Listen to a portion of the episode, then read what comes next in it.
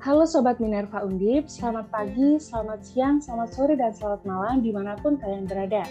Nah, kembali lagi nih bersama kami di Berinspirasi Talk, yang merupakan sebuah podcast persembahan dari Research for Fun bidang eksternal Minerva yang akan berikan informasi mengenai sebuah-sebi riset di dunia peternakan dan pertanian.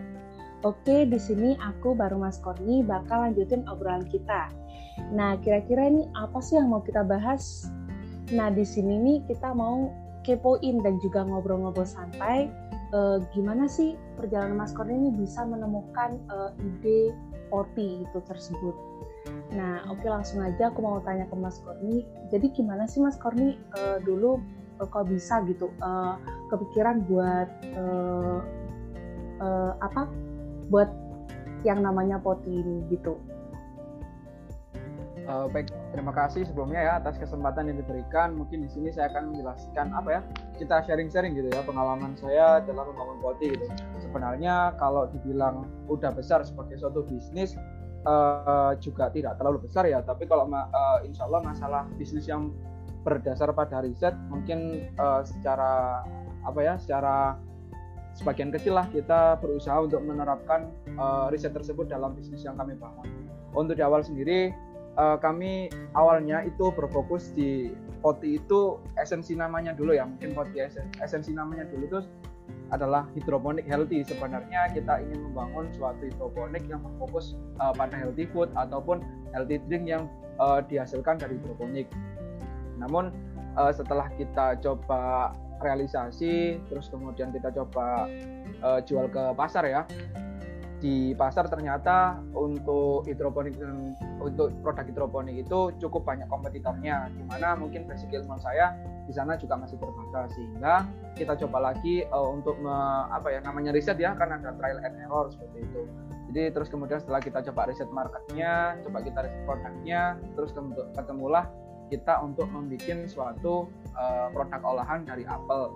Nah, kenapa sih kita uh, melihat di apel? Karena melihat dari apa ya potensi di Malang itu kan juga terkenalnya sama apel. Terus kemudian apel untuk sekarang daya serapnya itu hanya ke sari apel yang cair kan gitu. Maka dari itu kita coba riset. Yang riset awal yang kita lakukan itu kita coba cari kompetitor dulu uh, produknya itu seperti apa sih gitu. Nah terus kemudian setelah kita coba cari supplier, coba kita cari kompetitor, terus tercetus, tercetuslah ide kenapa sih kok nggak dibikin semacam produk serbuk kayak gitu.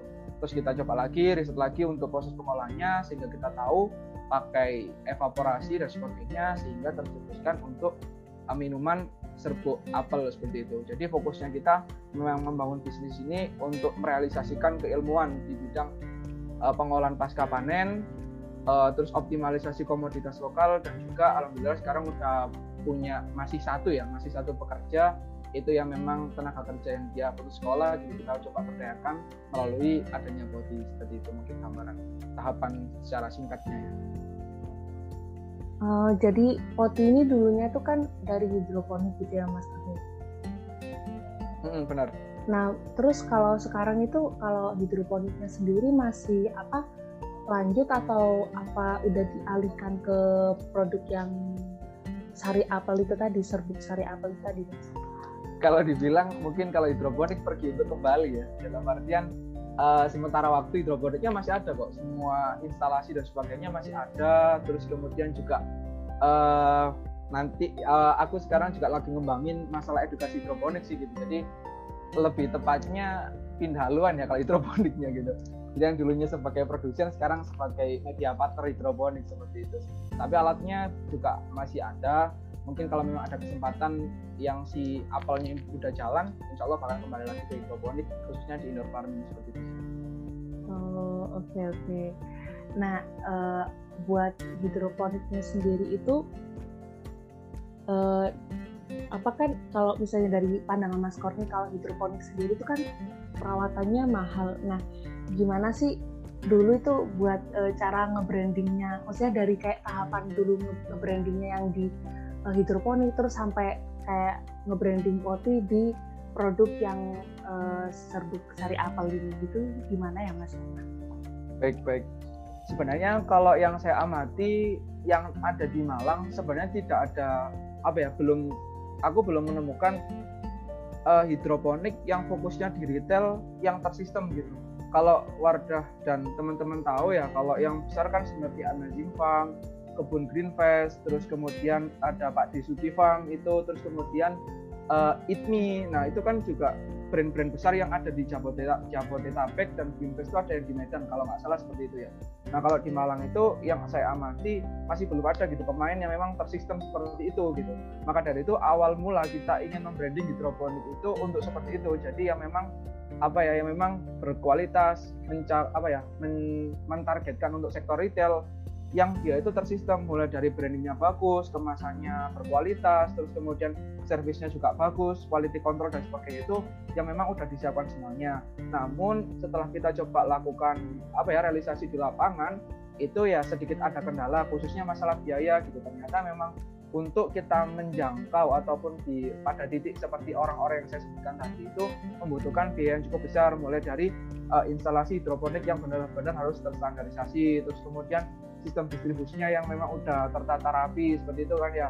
Jadi sehingga kalau di media sosial kita sudah bisa menjangkau ke sana sih ya. Tapi untuk secara pro, uh, tempat produksi dan distribusinya itu yang memang belum bisa sehingga kita terbatas di situ gitu sih.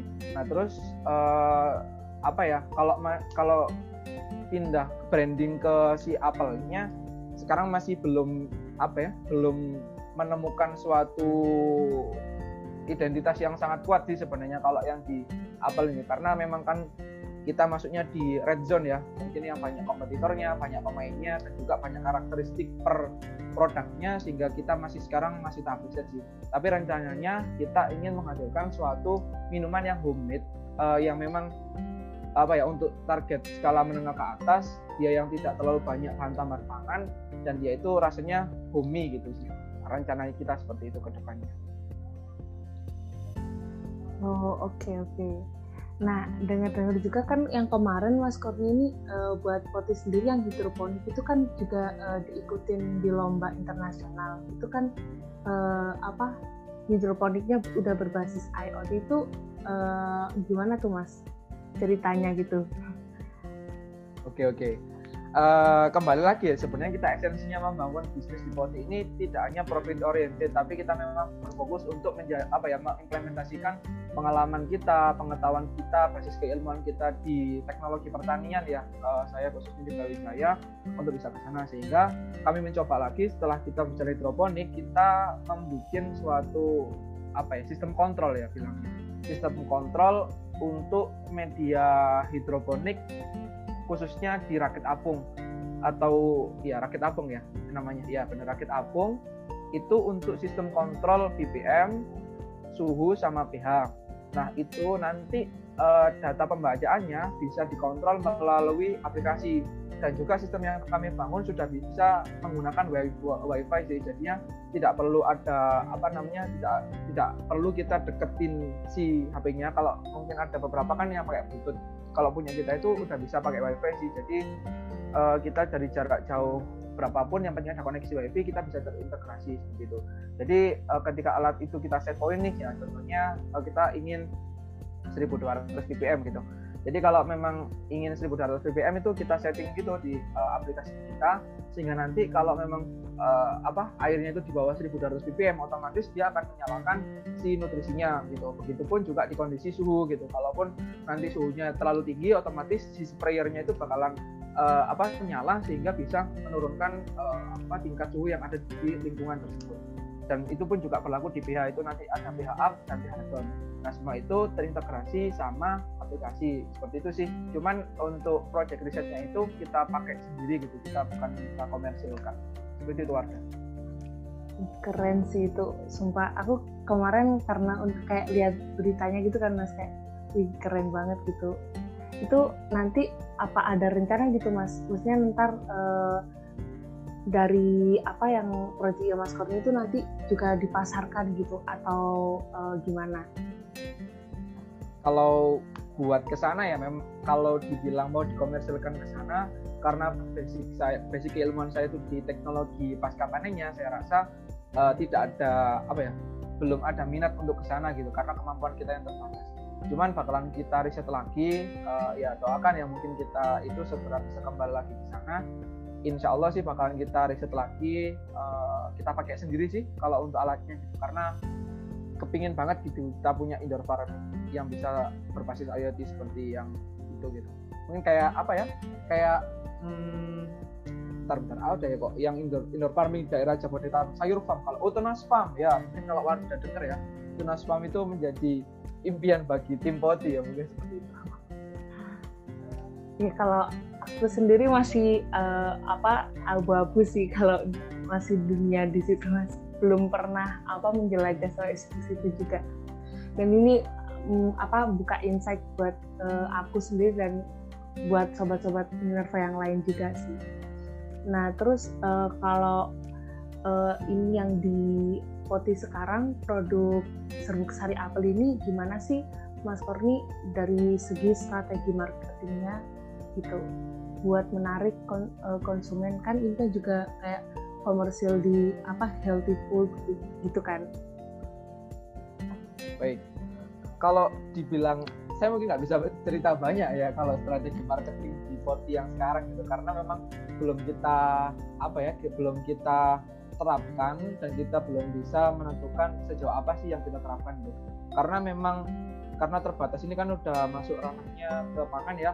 Sebagaimana yang kita ketahui bersama bahwa uh, untuk di pangan itu cukup banyak gitu legalitas yang kita perlu izin apa perlu perlu kita urus seperti itu untuk bisa dikomersilkan secara luas gitu. Jadi untuk strategi marketing kita masih terbatas sih ya uh, kepada beberapa distributor atau kepada uh, produsen yang memang hanya terbatas yang memang sudah kiranya bisa percaya gitu dan juga bisa mengetahui proses yang produksi kita meskipun udah terstandarisasi tapi memang untuk pengurusan mekanisasinya uh, masih belum seperti itu. Jadi kalau dibilang strategi marketing seperti yang kali ini masih biasa-biasa aja sih seperti itu. Kalau cuman kita fokus di riset produk. Hmm, oke okay, mas. Um, ini udah pertanyaan terakhir sih. Terus aku mau nambah pertanyaan lagi nih buat mas Korni. Kan mas Korni ini uh, apa uh, di CEO CEO-nya Poti terus juga uh, udah ikut lomba menang lomba segala macem terus juga uh, apa dengar-dengar juga Mas Korni ini jadi uh, calon mama presnya UB juga kan ya Mas ya nah itu dari Mas Korni sendiri gimana sih cara bagi waktu uh, buat uh, ngurusin si Poti ngurusin kuliahnya terus kayak organisasi kayak gitu itu gimana sih mas? Baik baik. Uh, ya mungkin aku sedikit tadi agak kelupaan ya warga mungkin tidak tahu siapa sih Kordi ini gitu ya. mungkin aku di akhir ini mungkin uh, memberikan sedikit gambaran gitu mungkin yang sekarang tanggung jawaban kebetulan Alhamdulillah sebagaimana yang sudah disampaikan waktu tadi uh, saya sebagai perwakilan mahasiswa berprestasi untuk di tingkat Brawijaya yang mewakili Fakultas Teknologi Pertanian seperti itu dan juga sebagai CEO dan kebetulan juga sekarang menjadi diamanahkan sebagai ketua apa namanya direktur direktur utama direktur dari LKM Agritechnology Center yang memadai masalah kewirausahaan di Fakultas Teknologi Pertanian Universitas Brawijaya seperti itu. Nah kalau masalah membagi waktu menurut saya itu uh, apa ya yang paling penting banget itu tanggung jawab atas apa yang dipilih. Dalam artian ketika kita memilih apa ya menentukan target ya pertama menentukan target kemudian ketika menentukan target itu harus dikuatkan lagi idealisme kita sekuat apa sih kita untuk mencapai target yang ketiga itu tanggung jawab. Dalam artian untuk di tahun pertama saya gimana caranya untuk bisa mengetahui cara gimana untuk menang timnas? Nah otomatis kan kita harus memberikan apa ya memberikan waktu ya buat kita belajar di sana. Jadi kalau memang nantinya uh, di tengah jalan kita ada yang ngomong ngapain sih fokus PKM ngapain sih fokus bina? Sebagainya. Nah itu idealisme yang itu yang bermain. Maka dari itu ketika kita menentukan target idealisme yang uh, idealisme itu harus dibangun benar-benar kuat. Nah kenapa sih idealisme itu kuat? Karena kita udah ada nih tujuan akhirnya nanti seperti apa. Ketika kita udah idealisme seperti itu kita harus melangkah untuk ditanggung jawab. Kalau udah tanggung jawab dalam artian nanti nilainya jelek temannya dikit waktu istirahatnya dikit ya udah terima aja itu tanggung jawab. Jadi uh, sebelum kita untuk melangkah ke sana itu yaitu tahapannya satu menentukan target kedua memperkuat idealisme yang ketiga tanggung jawab. Nah ketika itu sudah terbangun barulah kita bisa melangkah uh, apa ya ada beberapa target yang kita bisa berprestasi, organisasi ataupun lainnya. Yang saya tekankan ke teman-teman ya, semua itu ada waktunya, tidak semua waktu itu kita harus kita habiskan gitu. Cukup tahu momentum momentumnya kapan kita kapan kita maksimalkan di situ, kapan enggak. Maksudnya kayak oh tahun pertama kita nggak bisa loh jadi ketua lembaga, ya udah jangan fokus ke ketua lembaga dulu.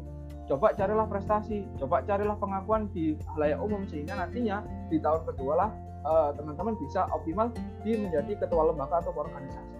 Kalau saya rasa teman-teman banyak yang satu tahun itu pengen organisasi pengen prestasi pengen akademik pengen. Jangan kalau menurut saya seperti itu. Karena semua ada waktunya gitu.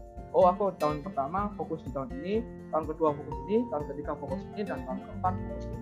Jadi uh, lakukan semuanya itu di breakdown lagi timelinenya selama 4 tahun kira-kira apa yang perlu dilakukan dulu uh, di situlah nanti ada keseimbangan gitu. Karena sebagai manusia yang terbatas dengan waktu yang sama 24 jam pastinya ada banyak tantangan ketika kita memiliki tanggung jawab yang lebih uh, lebih banyak daripada lainnya. Yang terpenting kita harus menentukan prioritas mana yang harus kita dahulukan dulu dan mana yang memang harus kita sabarkan untuk diraih di lain kesempatan seperti itu. Itu sih Wardah mungkin yang aku tahu Mantap, keren banget mas, sumpah. Ini bisa buat insight buat kita semua, terus kayak uh, tips juga kan buat kita yang uh, apa, yang uh, ada di bangku perkuliahan, juga sibuk di organisasi dan juga ingin berprestasi tentunya. Emang bener sih masnya harus ada prioritas gitu. Jadinya kita bisa apa uh, ke depannya itu ter, uh, ter, ter apa tersusun gitu. Jadi nggak apa ya bisa uh, terprogresnya itu bisa kelihatan tiap tahunnya gitu kan ya mas ya? Ya aku mungkin bisa nambahin dikit nggak? Iya uh, boleh boleh. Oh ya kalau teman-teman tahu juga sebenarnya kalau dibilang ya uh, apa ya yang paling aku korbankan sih sekarang itu di tahap untuk mengorbankan waktu tidur gitu. Kayak ya beberapa jam aja tidur ya tiga jam empat jam kayak gitu untuk bisa mendapatkan semuanya gitu. Jadi kayak uh, kan kita kuliah online ya uh, jadi pagi sampai nanti jam 3an gitu ya kita fokus di kuliah. Jam 3 sampai jam 6 itu untuk, untuk fokus jam 3 sampai jam 7 lah ya. Jam 3 sampai jam 7 itu untuk fokusnya uh, aku untuk bisa apa ya mendengarkan cerita-cerita teman-teman di LKM ku uh, untuk ABC gitu jam 7 sampai jam 10 aku fokusnya untuk mengerjakan tugas. Jam 10 sampai jam 2 atau setengah tiga gitu untuk fokusnya mikirin bisnis. Kayak gitu sih. Jadi waktu buat tidurnya yang harus dikurangi buat bisa dapetin semua. Uh, itu sih sedikit uh, apa ya gambaran uh, jadwal setiap hari yang aku lakukan. Seperti itu sih dan oh ya satu lagi. Yang satu aku pegang itu gini. Eh, empat tahun yang sekarang itu menentukan 40 tahun ke depan. Jika kita empat tahun sekarang ini ya santai-santai aja, ya pasti untuk 40 tahun ke depan ya kita tidak akan bisa mencapai target yang kita tentukan. Maka dari itu empat tahun ini sangat krusial bagi teman-teman mahasiswa. Yuk semakin apa ya, yuk dipikirkan lagi uh, waktu yang singkat ini untuk bisa uh, lebih serius lagi, lebih memikirkan jangka panjang seperti apa yang teman-teman inginkan. Kalaupun nanti ada capek ataupun ada sedih dan sebagainya, ya itu menjadikan satu proses untuk kita bisa meraih kesuksesan itu aja sih mungkin closing statement dari aku terima kasih Oke, mantap benar. Empat tahunnya sekarang itu menentukan 40 tahun kita di masa depan. Jadi uh, buat kita semua emang harus benar-benar apa ya, kalau misalnya kita ingin sesuatu ya harus kita perjuangin gitu ya. Salah satunya tadi dari Mas Koni juga harus rela mengorbankan waktu tidur gitu. Dan juga pastinya banyak sekali kan kalau misalnya kita udah pingin A, pastinya ya uh, resiko yang harus ditanggung juga harus siap kayak gitu ya mas ya?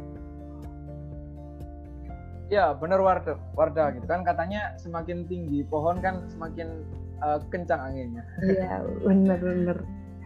Nah uh, sumpah ini kayak kalau dari aku sendiri tuh benar-benar udah membuka sekali wawasan aku dan semoga juga kepada teman-teman semua uh, dari apa yang udah aku bincangin sama Mas Korni malam, uh, malam ini bisa membuka insight teman-teman dan juga kita juga semuanya bisa lebih terinspirasi untuk terus berkarya, untuk bisa aktif di organisasi seperti itu.